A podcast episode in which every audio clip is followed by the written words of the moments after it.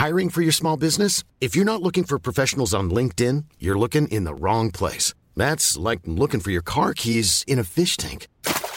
LinkedIn helps you hire professionals you can't find anywhere else, even those who aren't actively searching for a new job but might be open to the perfect role. In a given month, over 70% of LinkedIn users don't even visit other leading job sites. So start looking in the right place. With LinkedIn, you can hire professionals like a professional. Post your free job on linkedin.com slash people today. Nu kommer attack ifrån Sugarcane Hanover som går mycket, mycket fort tycker jag. Det är så fort så jag tror att Kallit kan få svårighet att svara. Sugarcane Hanover vänder ut och in på fältet. Startbilen är i rörelse till Svensk Travderby 1987. What the horse, what the driver, nummer ett McLobel och John D. Campbell. Maharaja la Suède, Maharaja s'est retrouvé, le retour, le comeback de Maharaja le 17. vid några tillfällen. Jag trodde att det var en av de bästa hästar jag hade tränat för. Jag tolkades på vis. Du behöver inte misstolka det längre, för det här är den bästa häst jag har kört och tränat någon gång. Då bjuder vi in till mellandagspodd, sista för året av Toto Sports podcast. Jag är på lite, är lite, lite down, lite nere och lite, lite dåligt humör. Så jag ser extra mycket fram emot den här stunden med er två. två av de finaste människorna jag vet. Så jag hoppas att ni kan höja humöret på mig. Vi gör ett försök va? Ja, vad bra. Ja, Vad bra. det får vi göra. Skönt. Alltid på en tisdag. Kan alltid lita på er. Eh, Ja, ska vi börja med en gång vad som eh, var, ja vad var grejen sen senast? Ja, det var ju mycket. Robert Dunders dubbel där på V75 intervjuades i tv efter den första segern och han var inte sådär, eh, han var glad men inte, han studsade inte omkring utan han sa att vi har ju flera hästar kvar. Jobbet är inte slutfört och så vann han ytterligare ett lopp. Vilken dag är vi på då egentligen? Är det Umeåkerdagen? det, där? det, ja, det var, det, fråga mig inte vilken dag, för man blir alldeles yr i huvudet. Men lördag var ju den, eh, nej, det kanske inte ens var lördag, annan dagen, det var det i lördags? Ja det var det. Eh, V75-finalerna och jag blev ju imponerad av den eh, norska framfarten där alltså. Trond Anders, Andersson, Andersen och Christian Malmins hästar, fyra hästar på Solvalla. Två segrar, två andra platser. Eh, De hade väl kvalat in via ett, ett eh, kval eller uttagningslopp, eh, rikstotolopp i Norge på Bjerke där inga svenskar fick vara med. Så man tyckte att de fick en liten extra chans här. Den tog de ju. Alltså Floris Baldwin höll ju faktiskt på att slå Verry Kronos. Det, det, ja, det var nästan som man trodde att den hann förbi. Och så två segrar då. Avsluta med Hicko the Pooh i silver. Där jag för säkerhets skull hade spelat en slant på Jörgen Westholm och redan räknat in den där 45-oddsaren. Där den där... Kom det gubben, gubben i lådan? Kom. Ja, nu var det gubben i lådan. Jag är jävligt trött på det där gubben i lådan. För det är sällan det händer nu för tiden. Han brukar köra på annorlunda sätt kanske. Han har bra hästar. Men nu hade han all röta i världen och lyckades komma loss. När någon häst utvändigt gick över passgång och galopperade. Ja, fy fan. Det var, jag, led, jag led med dig. Det var vid, vedervärdigt faktiskt. ja, men det är väl inget att gräma sig över. Men då, ja, det blev en trekvarts miljon kronor där på, på, på det norska besöket. Mm. Också naturligtvis. Igår, Ja, måndags. det var ju... On track piraterna. Ja, det var min grej. Fantastiskt verkligen. Otroligt. Vilken häst det är. Det är ingen som tycker synd om mig som hade spikat Super Santos då. Nej, inte ett dugg. Faktiskt inte. Nej, det var otroligt. Alltså när han gick på, alltså när han gick på i tredje spår där. Det här, alltså, det här blir ju tungt alltså. En gammal on track pirater, det hade ju varit alls givet. Eh, Men då tänkte man det här blir ju för tufft. Och så kom Ante ut med Super Santos. Jag hade räknat hem det redan. Jag tänkte Mm. aldrig att on track piraten går in i mål, men alltså han är, det är otroligt alltså. Ja, men det visar, visade återigen tycker jag hur enormt bra han är, Magnus Djuse. Inga åthävor, lugnt och sansat.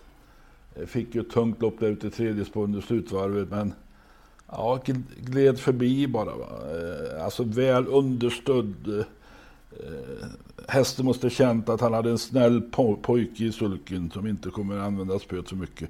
Om jag har räknat rätt så är Djuse den 18 kusken på, på On Track-piraten. 18 och eh, nu börjar vi närma oss den där, eh, den där Sante som han väl hade 26 kuskar. Så där.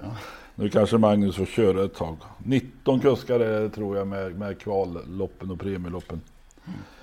Eh, och 12 år som sagt. 12 år blir 13 den här veckan. Och får ju då tävla på som reglerna är numera till, han är 15 va?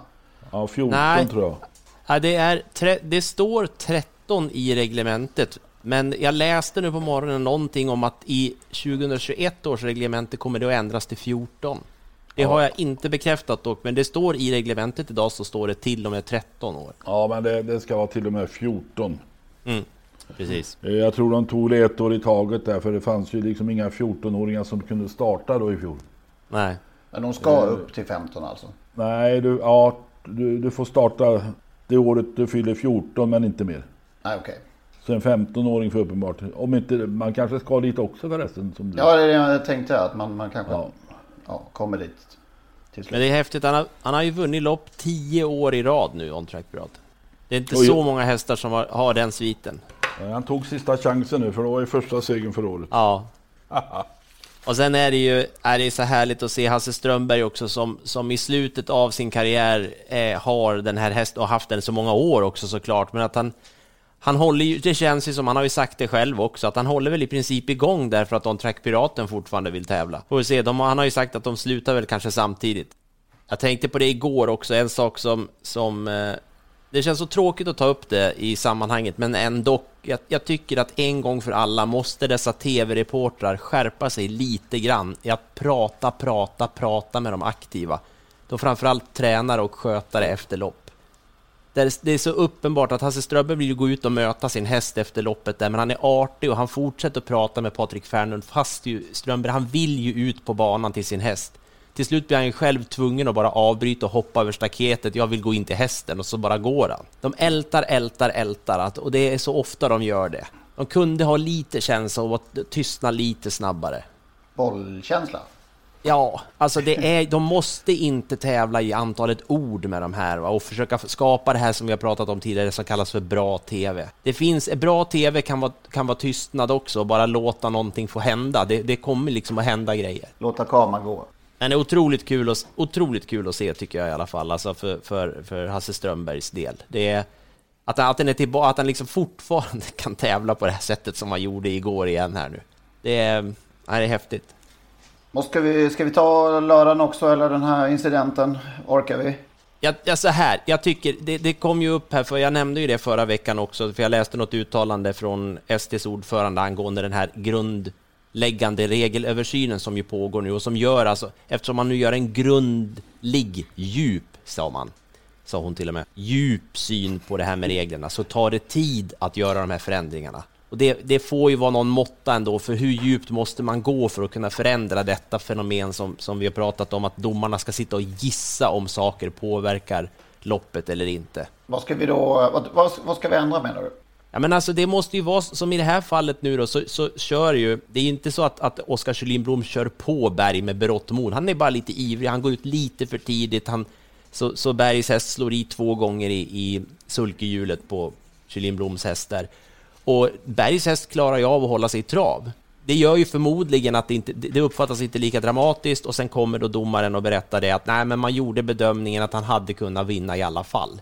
Även om han hade väntat eh, en, två meter, två sekunder eller någonting. De sitter och gissar. Och det är ju reglementet är ju skrivet så att de ska gissa och det är det som måste bort ändå. Alltså ha, tar du dig ut på ett regel, alltså regelvidrigt sätt, alltså att du kör på någon eller skaffar dig en fördel, då är det klart. Då behöver de inte sitta och gissa om det har någon betydelse eller inte. Men alltså, om, om vi säger så här då, om hästen fått luckan 300 kvar. Touchat i på exakt samma sätt som nu var fallet.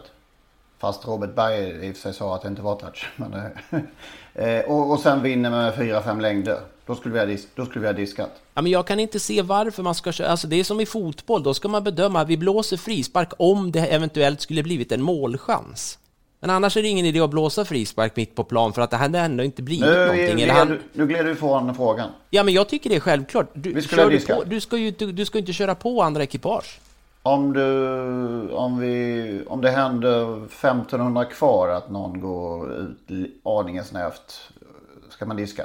Ja, det gör man ju ibland. Då ska man också sitta och avgöra om det har loppbety- Jag tycker det är väldigt enkelt. Jag tycker att kör man på någon så ska det, om det inte beror på något annat än eget, egen styrning såklart.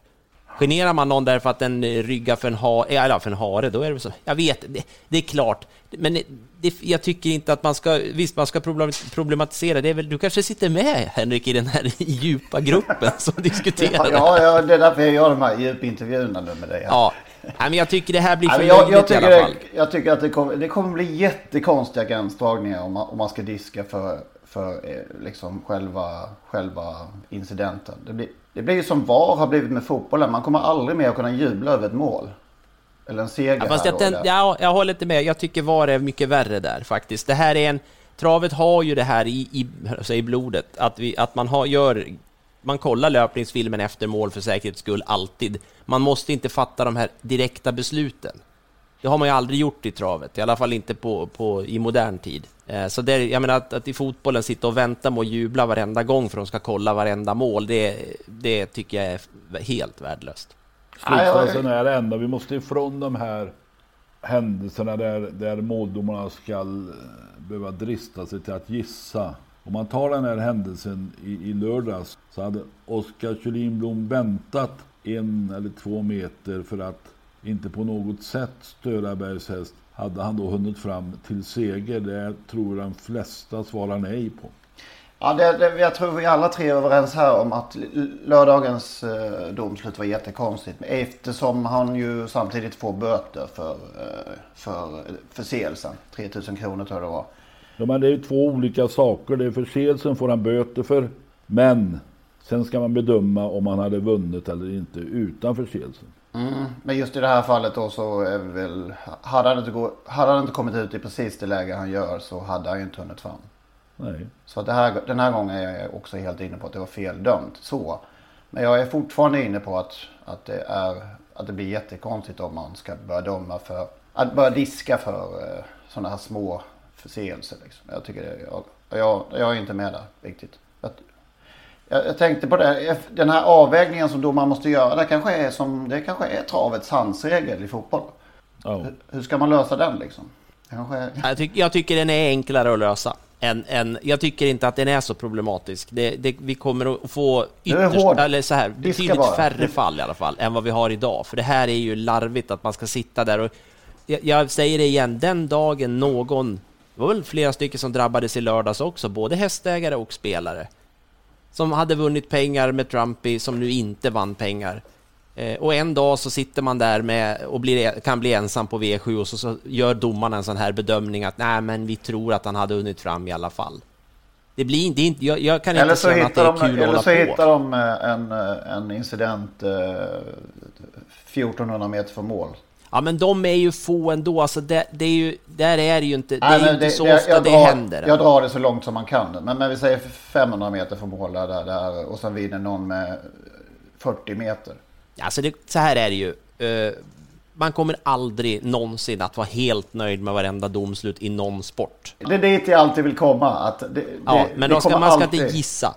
Det är det. Det ska inte gissas liksom. Det, det, däremot, en, som avslutning, det är ändå väldigt fascinerande hur svårt det är också att se saker som händer. Det här i lördags nu, när man såg ifrån flera olika vinklar så syntes det ju inte. När de visade kameran framifrån, då såg det ju klockrent ut. Det var Kjellin Blom hade kommit ut perfekt. Men från den här diagonala kameran snett framifrån, då såg man ju Ja, att det, var touch. och, och, och det hade varit intressant att veta vilka, vilka kameror domarna tittade på. Ja, det, det är faktiskt, tycker jag, intressant. Har de, jag gissar att de har tillgång till, till alla tv-bilder också, inte bara banans egna. Det borde de ha. Numer.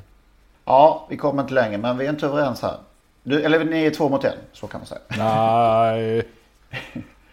Vass eller kass alltså. Ja. Nej, ja. Det enda jag vill komma ifrån gissningarna och hur, hur det ska göras, det, det har jag inget bra svar på. Nej, och jag tycker gissningarna är en del av det. Men, ja. Det händer ju en del i Frankrike också, men vi kanske återkommer det i, i specialblocket sen.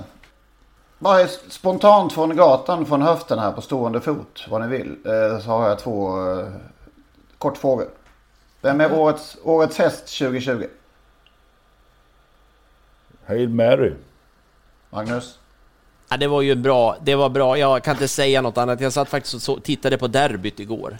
Ja. Eh, och bara reflektera över hur otroligt lätt Hail Mary vann Svenskt Travderby. Hur, hur Berg bara åker ifrån alla och i en kull som man har pratat var så bra och allt. Nej, det var häftigt. Ja, då är ni överens och jag hade också det. Eh, årets tränare?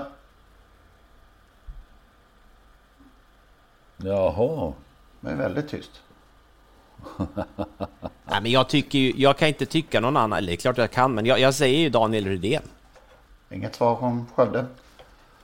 Eh, Ja, det var... jag tog er, på, tog er på halsen. ja, men ja, ja, det är enklast att hålla med Daniel Rydén. Men det skaver ju ändå liksom. Man räknar ju mentalt in den här Elitloppssegern. Ja, Även om man tar bort den så har han ju vunnit allt typ. Ja, ja. Ja, visst. okej då. Ja. Gick sådär det här. Ja, Vi går vidare.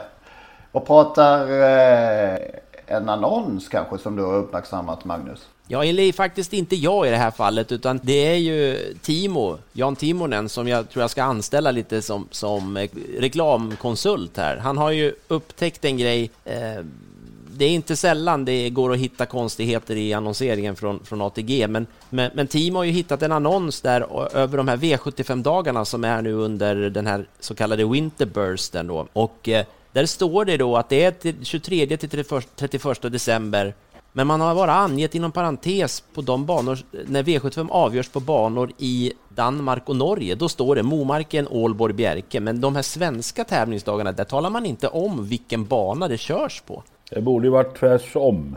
För vem fan vill berätta att det går en V75-omgång på i Ålborg? Det är på något sätt som att är det V75 i Sverige spelar det liksom ingen roll. Det är V75 i Sverige.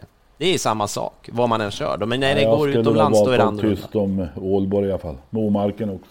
Men det är lite grann apropå det vi pratade om förra veckan eh, angående annandagstävlingarna. Denna liksom stora begivenhet för inte särskilt länge sedan. Som nu alltså inte ens namngiven som bana i den här typen av offentliga sammanhang. Det är snack om att avhumanisera eller vad säger man? Avspottifiera kanske. Ja, men margin, man placerar ju verkligen sporten i marginalen här Ja, och, eh, så långt och att det är är möjligt, STs liksom. bolag som gör det. Nej, jag tycker det är eh, bra, eh, bra, bra funnet av Timo och eh, stort frågetecken till, till hur man tänker här. Det är ju antingen ett misstag eller så är det en strategi. Det är lika illa i båda fallen.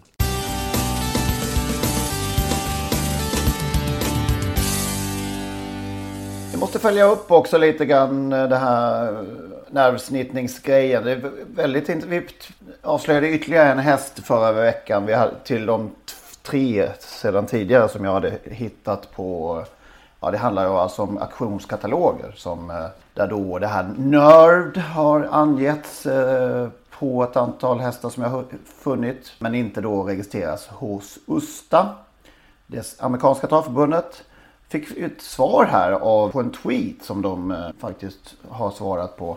Som var lite intressant tycker jag. If info pertaining to nerving av den här aktuella hästen då som heter BKS Diff was not submitted to USTA and confirmed by licensed uh, vet, veterinarian kanske det heter.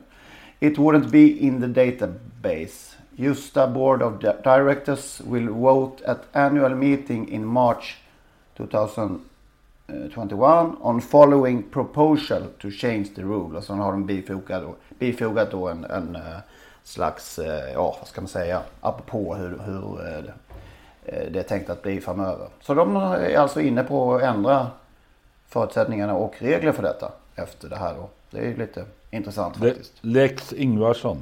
Ja, jag vet inte om det är det, men det, är, det är ett intressant eh, sammanträffande i alla fall. Ja, man kan ju konstatera det att, att det, de eh, lite nedlåtande och eh, sådär dissningarna som kom när, när vi började prata om det här om att eh, vi ju menar på att det finns sådana här hästar som tävlar i USA utan att man vet om det. Det påstås ju då att det kan ju inte finnas och de är sannolikt inte så många men jag tycker nog att vårt rotande där och ditt, framförallt ditt här nu på slutet Henrik visar att och även då Ustas svar här det, det finns någon liten hund begraven här. Ja, det är fakt- nästan ett facit faktiskt på att vi har haft rätt. Det tycker jag nog att vi kan, kan säga. Utan att...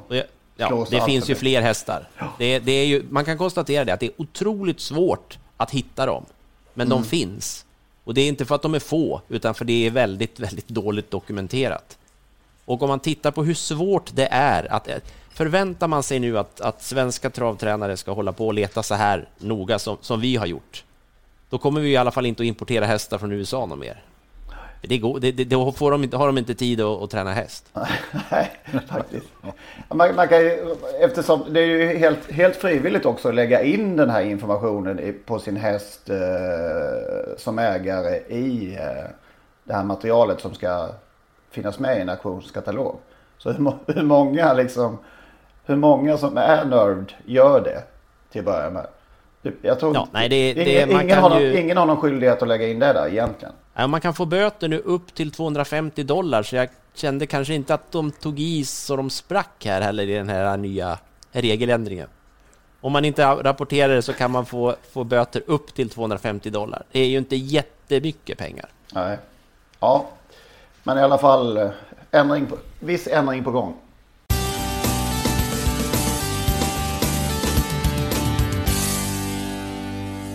Vi går in i nostalgiblocket. Tänkte inleda det så här.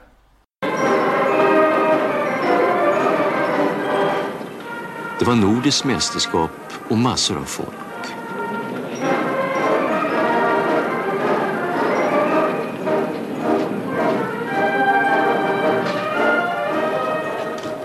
Fyra kronor hade han med sig. Två satt han på Smaragd och Sören Nordin.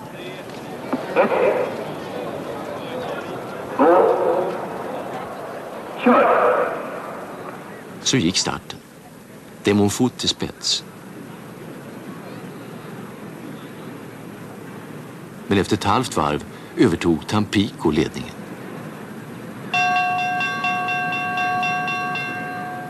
Men Tampico gav sig helt och sen handlade det bara om Gainon och Smaragd. Upploppet ned kämpade de sida vid sida och han kramade kvittot hårt i handen. Men så drog Smaragd ifrån och vann ganska lätt.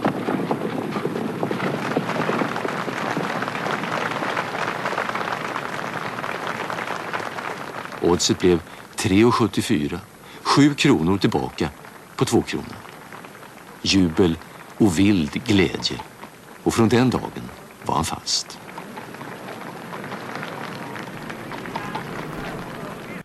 Alltså den där Solvalla-filmen från vad är det nu, 1988 är det väl där det här klippet ingår. Den, den tröttnar man väl aldrig på. Jag tror att den ligger fortfarande på öppet arkiv. Det är alltså Tom Arlands eh, film om Solvalla. Och hur det, ett travliv kan se ut. Eh, men det här var alltså Nordiskt mästerskap som var där den här eh, personen som ingår i sam- det här sammanhanget alltså fastnade för travet. Två kronan på Smaragd som blev till sju kronor. och, sen, och från den dagen var han fast. Eh, men Nordiskt mästerskap alltså. Det är ett av alla dessa lopp som inte längre finns. Nej, som har försvunnit. Som har försvunnit. Vi tänkte prata lite om sådana. 1957 var det Smaragd, 3,76. Ja, sju kronor tillbaka. Ja. Och två kronor. Francis Pullevak har vunnit det här loppet fem gånger. Det började 1933 säger jag. Precis. Och sista 1999, sen försvann det. Vem vann 99? Asbjörn Mela, Bella Cool. Var det därför svenskarna tröttnade? Ja, jag vet inte. Nej. var... Nej men det är ju som sagt ett av de här lopp, alla lopp som inte längre ja, existerar. det, det här är ju lite märkligt. Det där eh, cirkulerade. Bjerke, Solvalla, Värmo och Charlottenlund. Det gick runt alltså. Men eh, Mm. ja, så försvann det bara. Varför? Varför? Men det finns så många. Alla lopp är kanske nordiska mästerskap nu för tiden. Ja, har det potential. finns så många storlopp. Ja. Det är möjligt. eh, Men vad har vi mer då? På, på, um, Ja, men jag, vi, jag, tänkte på här nu när vi pratade om eh, on track-piraten, 12-åriga on track-piraten. Det här skulle med de gamla reglerna varit hans sista start.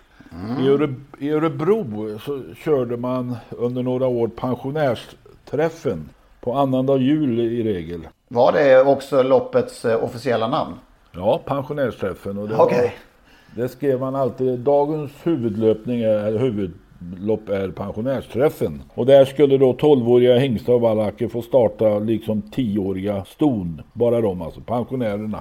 deras sista start i livet. Och då följde man ju hästar under många år och de höll på länge. Betydligt längre än idag de flesta. Därför var det nog ett ganska populärt lopp. Eh, jag minns 1970 när Jane Will skulle avsluta sin fantastiska karriär genom att vinna sin 66 seger.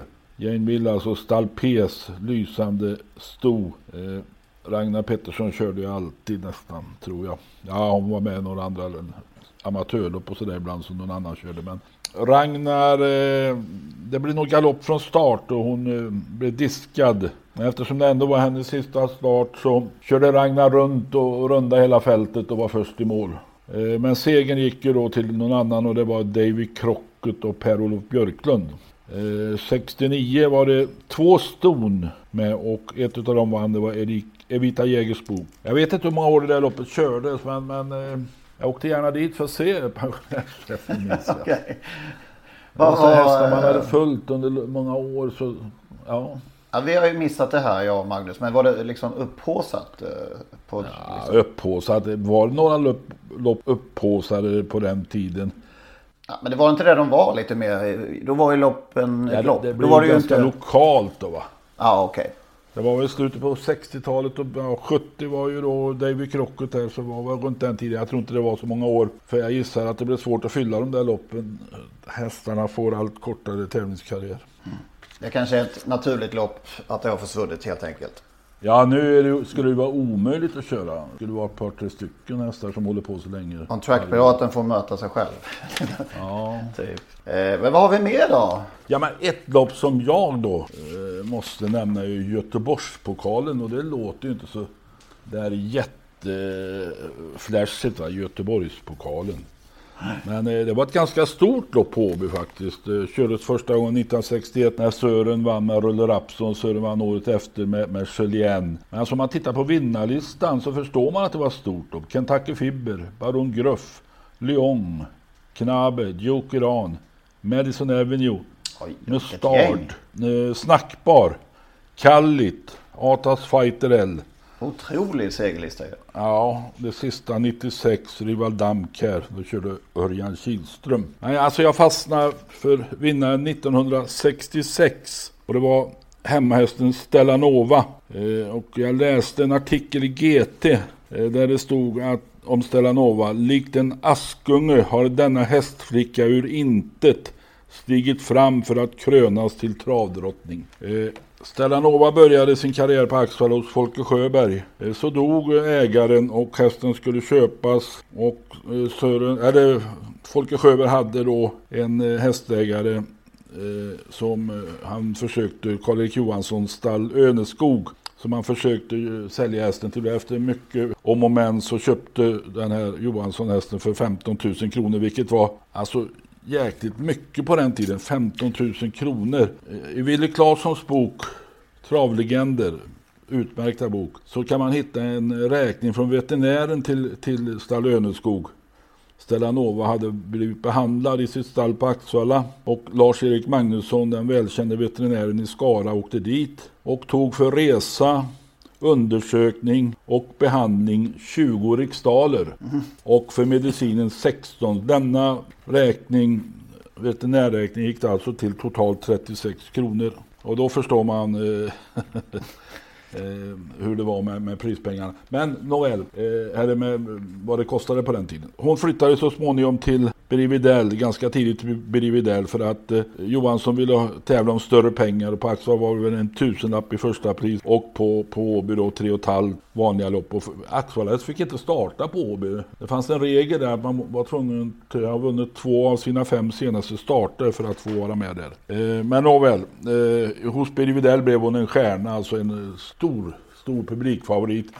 Och när hon vann postpokalen efter en virvlande finish, eller Göteborgspokalen menar jag, så eh, var det ett underbart liv på Åby. Hon, eh, det var ju stora hästar som gästade, Pekka Trixon från Solvalla, Agget, Uno Sveds och Gavin också. Men hon bara blåste förbi dem. Tyvärr skadades hon som åttaåring och fick lämna jordelivet strax senare. Hon vann 36 lopp och 213 000 kronor. Eh, ja, som jag sa, Göteborgspokalen sista gången 1996. Det var väl en, en just, just en pokalen som man vann va? Eller var det inte så? Ja, jag vet inte. Det var väl en pokal i pris, men det var nog inget vandringspris. Nej, okej. Ja, Harald Westlins minneslopp. Där skulle man vinna tre gånger i rad. Och eh, för att, nej tre gånger för att vinna den där pokalen. Det gjorde ju Lasse Fyr. Och då delades pokalen ut. Sen blev det ingen mer lopp. Jag vet inte varför. Nej, jag försöker rota lite lätt i detta Harald Westlin då. Varför det försvann ifrån eh, Färjestad. Eh, Men inte, jag har inte riktigt lyckats få något svar på det. Det kanske byttes till något annat lopp. Union, unionskampen eller något. Nej, jag fick inte ihop det heller. Varken Unionsloppet eller det här Uno Sveds eh, minne som körs sedan, sedan 2013. Jag fick inte ihop logik, logiken där faktiskt. Det var, det var, I båda fallen var det några år emellan och det, nej, det stämde inte. När vi ändå pratar där då så var Janeville tvåa i det här loppet. eh, Harald Westlins minneslopp 1967. Eh, Moneymaker trea. Då är min fråga vem som vann. 67, då vann ju en viss Lill-Marvill såklart. Ja, hon vann både Harald Westlins minneslopp och Färjestads jubileumslopp. Det är klart att han gjorde det. Ja. Ett lopp som slog mig igår här som ju var populärt under ganska många år i alla fall. I lite olika tappningar kanske. Men eh, Sverigeloppet på Solvalla är ju borta. Ja, det Kördes eh, första gången 1974 och sista gången då antagligen, om det inte återupptas, 2012. Lite olika tappningar som sagt. Det här sprint, eh, sprintvarianten under den tiden då jag kom in i, i travet. Jag tror det började med eh, någon, någon form av landskamp mellan eh, Solva och landsorten. Mm, det, man kan säga att det slutade ju så också. Det var ju slutet på 90-talet i alla fall var det ju en, en kval på varje bana och sen eh, då final på Valla med försök och final. Ja, så var det. I början där 1974 så tog då SOK, Hästsportjournalisterna, ut eh, landsortens lag tror jag det var och skulle möta då Solvalla. Eh, Lyon var den första vinnaren för landsorten, även om han var Åbytränad. Francis Marie kan man ju säga var från landsorten, vann den andra upplagan med Rune Turesson före Chuck och S, Hans Svenssons fina häst och Fame var väl Stig och Johansson. Men idén här, ja, som efter sprintupplagorna då var ju väldigt bra. Det, det, alltså, det var busslaster från många banor på, på Valla den där, den där sommarkvällen. Så ja, väldigt lyckat där i början. Jag tror att Magnus Jakobsson vann någon av, kan ha Ja, vunnit den första där elaka hästen. Komet, vad heter den? Anton, Anton Komet. Ja, just det. Han var livs... Vi hade också fina fester i samband med Sverigeloppet. Eh, Hästsportjournalisternas klubb. Eh, hos olika tränare och även på Menhammar. Det var ju jättetrevligt. Är det borta? Det är så, så är det. Även det här Expressens rikschampionat var ju stort på sin tid. Aftonbladet Championtäcke. Så det, det är många eh, som har försvunnit bara. Nordiska femåringspriset eh, kördes sista gången 2004. Svensk-norska kallblodslandskampen eh, var ju du inne på. Det var bland det största man kunde vinna en gång i tiden. Ja, Nordiska femåringspriset kördes första gången 1962. Men vem vann? Oj. Kan det ha varit Lill-Marvel där också? Nej. Ja. Han är överallt. Uno Sved hade han i träning då. Ja. Nej, men jag tänker på den här svensk-norska kallblodslandskampen där som, som ju i princip Norge prenumererade på att vinna. Och sen kom ju Järvsöfax. Och efter det la man ner loppet. Ja, Norge har 45 segrar mot Sveriges 20. Järvsöfax vann väl sju gånger och det kanske less, de ledsnar. De å andra sidan vann ju då Almsvarten fyra gånger på sin tid och Vintilla, det läckra stort Vintilla med Leif Königsen, fyra segrar. Ja, men det är ett lopp som borde, det borde ju vara kvar tycker man ju. Alltså det här är väl en klassisk kamp Sverige-Norge och framförallt när det kommer till kallblod. Det, Det är faktiskt konstigt, det, det håller jag med om. Det finns någon förklaring till detta gissar jag som vi kanske kan få av någon. Podcast.totosport.gmail.com Podcast.totosport.gmail.com vill vi ha svar på. ja, men det är ett lopp, alltså just att man lägger ner ett lopp som, det var ju inställt under andra världskriget då, men ändå har körts från 1935. Och sen inställt under de här krigsåren, men sen hade man kört, jag, jag fattar liksom inte, det, det måste ju vara ett av de äldre loppen som fanns. Också travsporten, ja men vi fimpar det. Det är ett av de, det är ju väldigt lätt att motivera ett sånt här lopp, det är inte ens konstruerat, det är ju ett klockrent upplägg. Ja, faktiskt. Största man ville vinna som kallblodsägare tror jag på sin tid. Apropå det här Sverigeloppet så såg jag en häst här som blev tvåa ett år som vi missade på vår namngenomgång. Gre Greve Hamilton. Okej, nu vill du peta in. Greve, han, alltså det fanns ju en Greve Hamilton som var ordförande på Axevall under många år. Greve Hugo Jakob Hamilton tror jag han hette. Mm, Okej. Från Kinnekulle. Jag hade missat faktiskt att, eh, det, det kanske är ett tecken på att man inte saknar det i och för sig, att fyra kilometer inte längre körs på Solvalla. Det går inte att starta i kurvorna längre. Sista gången 2016. Ja, det var ju de start, startar vid mållinjen. start på mållinjen eh, med de här kon, eh, väg, vad heter det, vägarbeteskorna. Ställde de ut. Aldrig någonsin var det omstart. Och aldrig någonsin följdes de här, kändes det som. De, de som stod start där, de, de, de, de, de kom in i kurvan på en gång. Inte mycket fotoceller där. Finns, finns det fler eh, glömda lopp som vi har missat här så... Ja, ja, vi har fler dessutom. Armbro Keepsakes lopp, samma tävlingsdag där, 1140 meter. De körde de här extremloppen samma tävlingsdag. Båda är då borta. Armbro kan man Keepsakes som ju... klassa, kallas en klassiker. Nej, verkligen inte. Men det är borta. Det här V... Nu kommer ni överskatta eh, apropå eh, klassiker. Men eh, det här var väl ett ganska stort innehav. VK-mästaren. Är det verkligen borta? Det är borta. Fina VK-mästaren. Mm. Det gick väl alltid på Umeåker. Det var många eh, på redaktionen, på, de som var från Norrland på redaktionen på Travronden som, som eh, surrade om detta VK-mästaren. På. Men det är borta också. Klass 3 på Ja, V75. klass tre är borta, ja. Knut Bondes pokal. är det borta? Ja, det tror jag. Ja.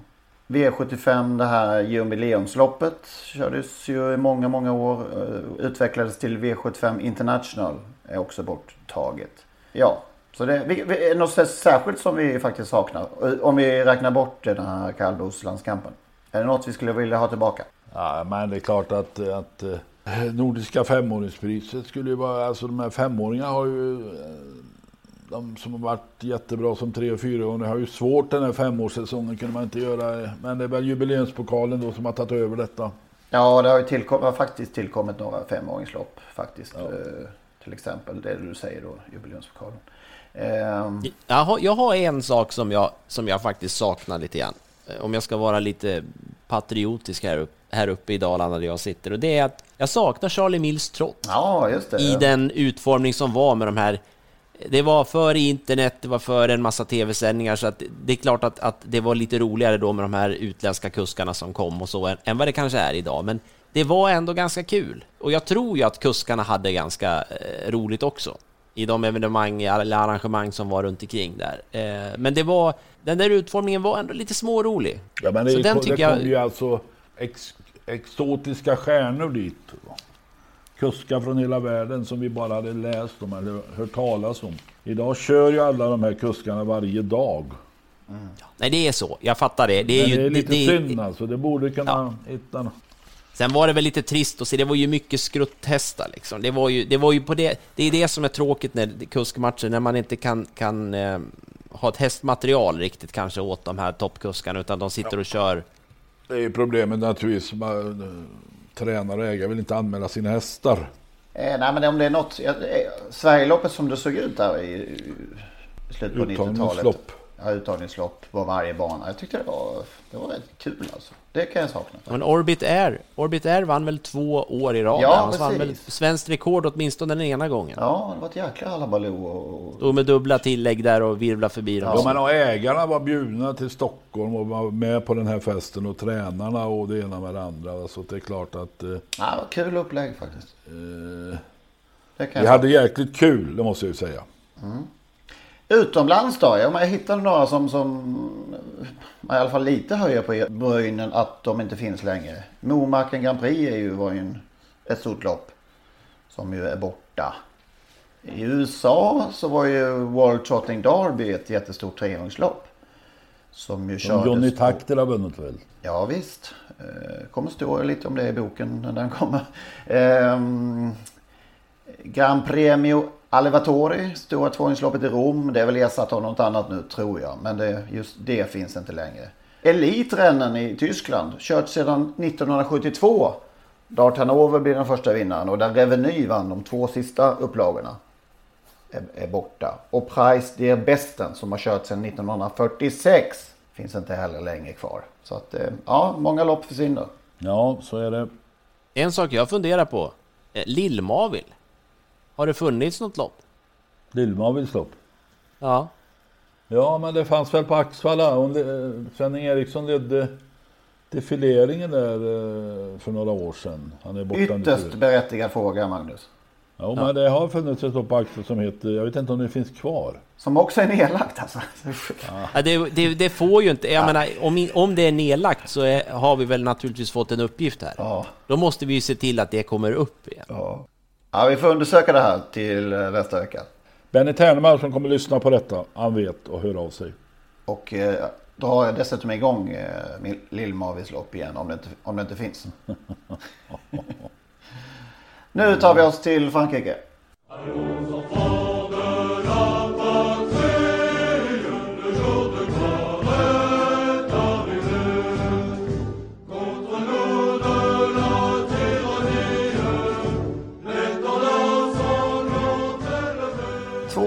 Stora lopp i söndags där ju såklart eh, Continentale av, ja det fanns i alla fall störst svensk intressen där. Eh, blev lite av en flopp. Ja, det blev det ju för att du hade ju rätt där. Du hade ju Ja. rätt där. Det var ju färglöst att sätta upp Jean-Michel Basir. Har ju sagt det hela tiden. Ja, och, och, och grejen är ju att han, han var ju inte särskilt... Han brydde sig inte om han blev ett eller femma. Nu blev han fyra. Alltså, eh, Eitos Kronos öppnade ju bra. Det såg jättefint ut. Hur kan, man, hur kan han inte hålla ledningen? Vad, är, är det, Nej, det, det för, var, det ville han nog inte svara. varför då? Det brukar de nästan aldrig göra. Jag brukar. eh, Skulle, Nej, men det gick för fort tyckte väl han. skulle köra ett varv på den där banan. Ja, men nu, nu, det blev ju ändå bra andra par utvändigt sånt där. Ja, sen, sen blev det ju fler och fler hästar så helt plötsligt var han, var han ju bland de sista och kroka i någon och så vidare. Va? Nej, det där var ju ett sorgligt lopp. Ja, det var det. Även om den som vann Guy de Herrepré, efter Cocktailjet för övrigt, var helt överlägsen egentligen. Men en Arietus Kronos med lite klaff eller lite aktivitet från kusken hade ju utmanat. Det, det var ju absolut Ja. känslan. Ja, det tror man ju. Hur var det här nu då? Eh, det, man fick en plats här i Prix. Vinnaren, ja. Och den kommer starta gissar jag. Det är ju... Ja, Filip Allard, eh, jätte, han, han, jag tror han är sugen på att vara med i... Tror- i eh, Tror du verkligen det? Ja, det, det gjorde Daniel Olsson väldigt klart också i tv-sändningen här i, i, eh, i söndags. Att, eller vilken dag det nu var. I söndags. Att ja. Filip Allard är nog rätt sugen på att vara med. Ja, att, eh, Hur många hästar kommer Basir att ha med? ja det är tre, fyra stycken. Det är ju en liten fundering där just varför man sätter upp Basir. Ja, det var ett märkligt kuskval måste jag Det, säga. det är ju som sagt Henrik, du har haft rätt och jag, det är lätt att sitta här med, med facit i handhatten men det här med att låta då en, en, en stor tränare köra åt en som kommer att ha en massa egna hästar. Det Aitos Kronos är i alla fall ingen riktig, är ju ingen skithäst. Nej, det är klart att det nej. är, det är bra att inte ha den med i Prix d'Amérique också. Det sk- Nu skulle han kanske kunna komma med på pengar faktiskt. Är det så pass? faktiskt? Ja, okej. Ja, det är det. det, är det. Men eh, enligt uttalande i travronden i måndags så eh, var han inte intresserad av det, Jerry Riordan. Däremot ett femåringslopp samma helg. Eh, Gesmeras var med, gav upp i ledning, galopperade. Power var väl anständig som sexa. Eh, så därmed har vi ja, förmodligen stängt då dörren för en svensktränad häst i Prix d'Amérique. Ja, det känns ju besyn- Det känns märkligt. Det blir tomt. Man tar Ja, någonting. det blir tomt. Ja. I Tenor de Bound så vann ju faktiskt ett sto, Ferré Wood, körd av Alexandre Abrivard. Och han, om man tittar på Alexandre Abrivard så ser han ju ut som en 17-årig skolpojk. Och han är ju ung i den här branschen, han är 29 år. Eh, har ju tidigare, eller han har vunnit eh, Prix de Cornelier tre gånger. Scarlett, Turgot, Billy Billy gånger två. Han var tvåa i Prix d'Amérique 2019 med Looking Superb. När Belina Josselin vann och Ridley Express var trea. Eh, den här är ju oerhört begåvad. Det är lite Magnus Djuse över honom. Eller Magnus Djuse är lite Alexandra Brivard. Den här Ferry Wood äger han faktiskt själv dessutom. Hon har tjänat eh, 3,5 drygt 3,5 miljoner kronor. Så det är eh, vunnit europeiskt femåringschampionat. Och nu är hon ju då klar för Prix d'Amérique om Alexandre Abrivard och hans pappa eh, Laurent Claude Abrivard som är tränare vill. På söndag är det väl eh, det sista, eller näst sista B-loppet. Ja det är det väl. Det är Prix de Bourgogne och det är faktiskt lite ovanligt då. Det är 2100 meter auto. Eh, Facetime Bourbon ska ut där. Och då är väl saken klar. Ja, är den det efter senast? Jo, den borde väl gå Nej, flyttas, totalt överlägsen flytt, allt. flyttas framåt. Ja. Det stora just nu det är lite svenska hästar ute i veckan. Amiral Bar, heter den så? Björn Goop? Nej, Aramis. ja, just det. Melby Glader, Ingo, Figarovici har jag sett i startlistan. Jag måste nämna, jag sitter här lite tyst och bara ville höra om ni hade snappat upp det, men jag, jag tar det här som en liten...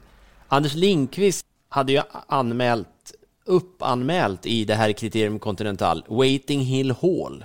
Som ju, alltså såg ni hur hon såg ut? Det låter ju briljant att man sitter och tittar på den som är sist i mål nästintill, men, men det är, ju- jag gillar ju Wait- Waiting Hill Hall och åh vad hon var fin. Hon satt ju fast, fick inte chansen, hade ju säkerligen inte kunnat vunnit det där loppet, men verkar ju trivas jättebra på banan där, så att eh, den får man ju inte bomma när det blir lite mer normalt motstånd. Och Nej, jättefin ut alltså. Det kändes som att, att det här är Vincent, perfekt. En nästa gång Perfekt för henne.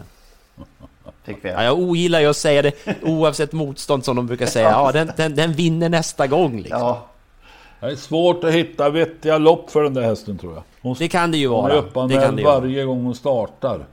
Ja, det är sant. Men Lindqvist har ju en annan där som eh, kan vinna. Vad heter den då? A Sweet Dance. Ja, den såg ju fantastiskt ut.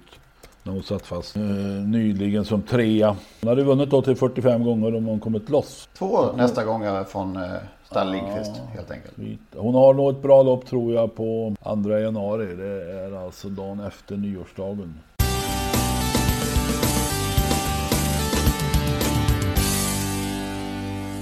Ingen jättehås på eh, vackra hästnamn eh, uppropet men eh, några ytterligare har vi fått in från Håkan Bergström i Skåne.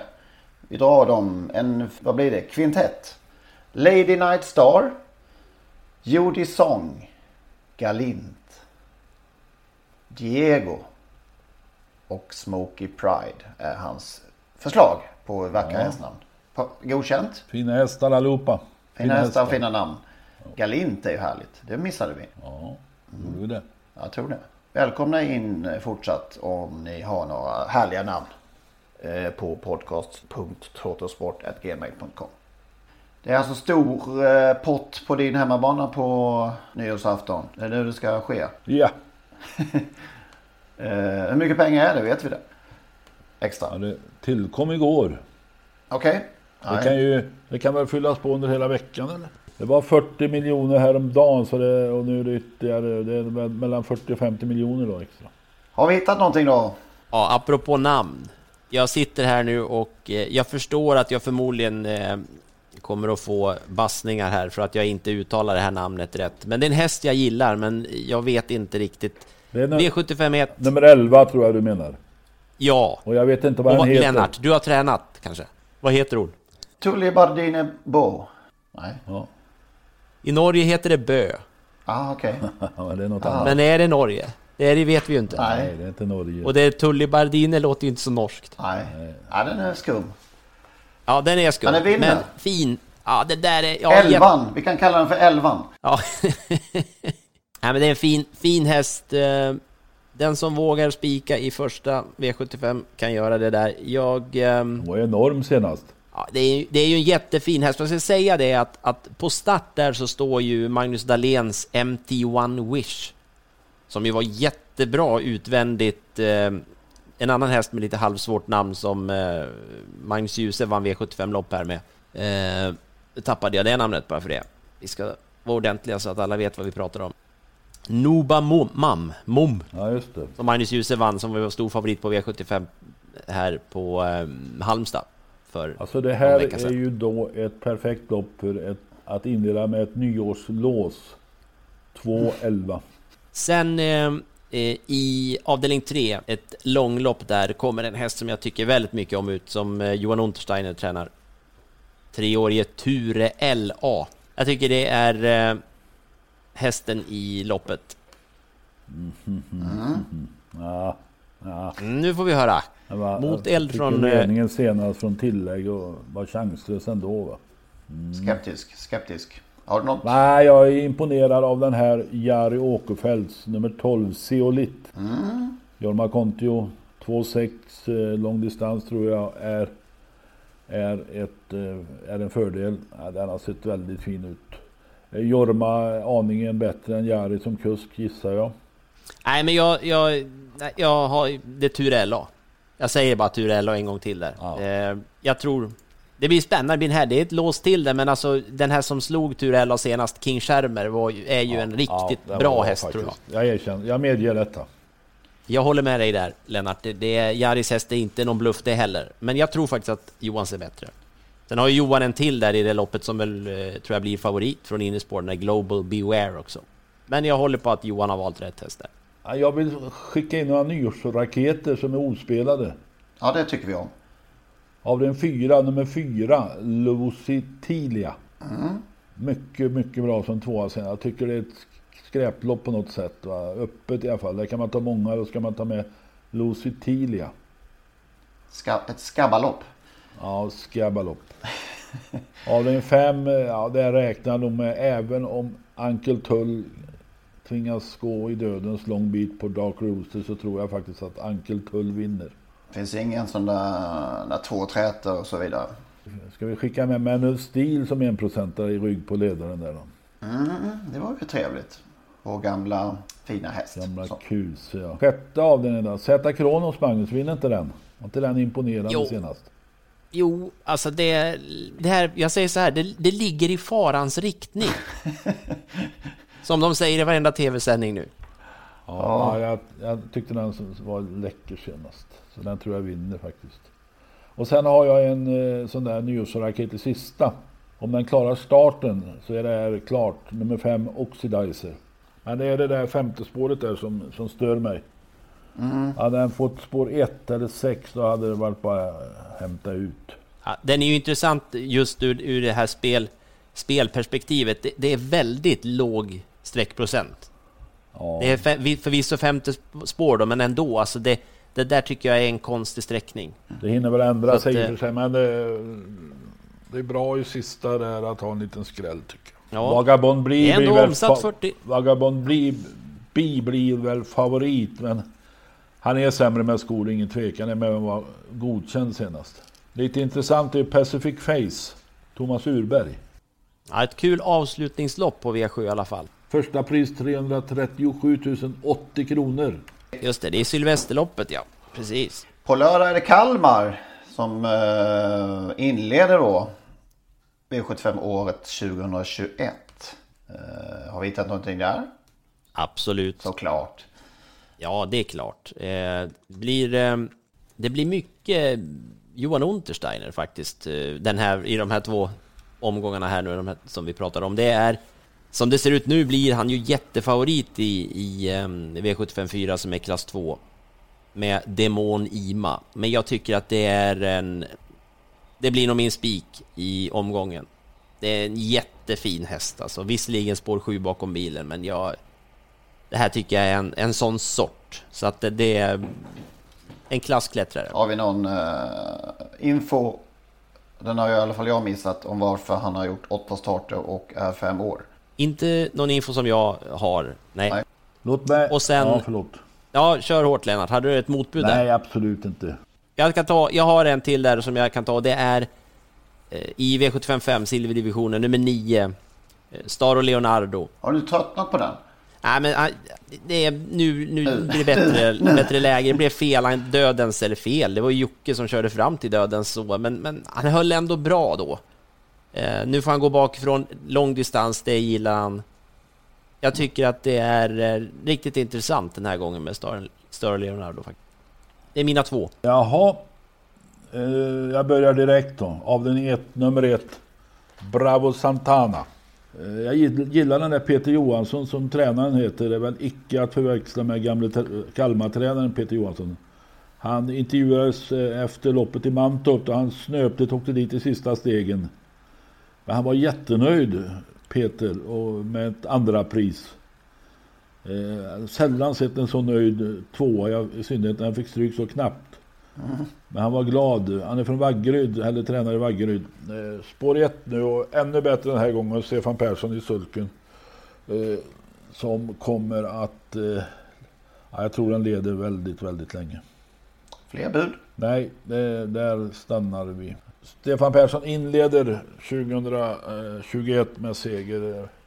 Han har ju haft ett fantastiskt år så att det blir nog bra. Sen, jo Henrik, du har väl inte missat att Dragster blir alltså favorit i gulddivisionen? Ja, det... nu, nu är det väl ändå över, eller? Ja, nu får det vara... Nu får det vara slut. Det vet man ju inte men ska han vinna ytterligare en... Ja. Ja, det är, det, det är intressant att han är favorit, så kan vi säga. Ja. Mm. Det var mellandagspodden det. Och vi kör på vidare. Nästa vecka är det alltså nytt år. Eh, blir lugnt på nyår.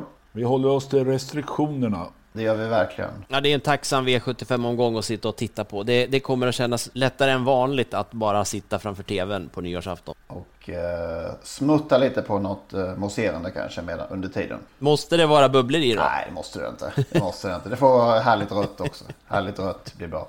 Jag läste en artikel om att de, de här champagnehusen i Frankrike jublade nu när det blev avtalet med England. Storbritannien blev klart. Annars hade det blivit eh, kaos med eh, champagneleveranserna till, till, till Storbritannien.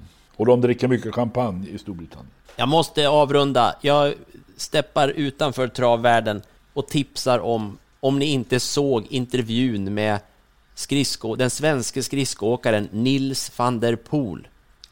I Sportnytt var det väl, i lördags tror jag det Den var. här unge pojken som är på... Ja, unge, unge, men... Ja, han är inte så gammal i alla fall. Han är 24 år snart. Eller han är drygt 24 år. Eh, svensk, han är svensk skridskoåkare från Trollhättan. Vann junior-VM på 5000 meter både 2014 och 2015. Sen försvann han och sen gjorde han eh, comeback här eh, och, eh, i december och slog världsårsbästa på 10 000 meter.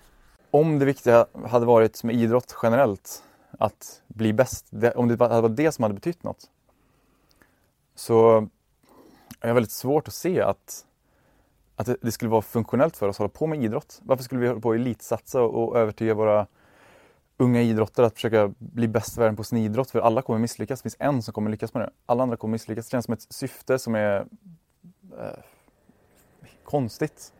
Och det blev rubriker överallt kring det då. och nu gjorde man en intervju, eh, en intervju med honom här och den finns ju, vi kan nog länka till den på Twitter och våra sociala medier. Det är SVTs intervju. Det är en fantastisk intervju med en idrottsman som verkligen inte tar idrotten på, på det allvar som många andra gör. Utan att på något sätt slarva bort det så har han en helt annan syn på vad det är värt att eh, vinna medaljer och sånt. Den ska vi lyssna på omedelbart. Ja. Ja, det tycker jag. Gott nytt år! Ja, ha en så fin nyårsafton det bara går. Och eh, så säger vi välkomna till ett nytt avsnitt om en vecka. Ja, gott nytt år!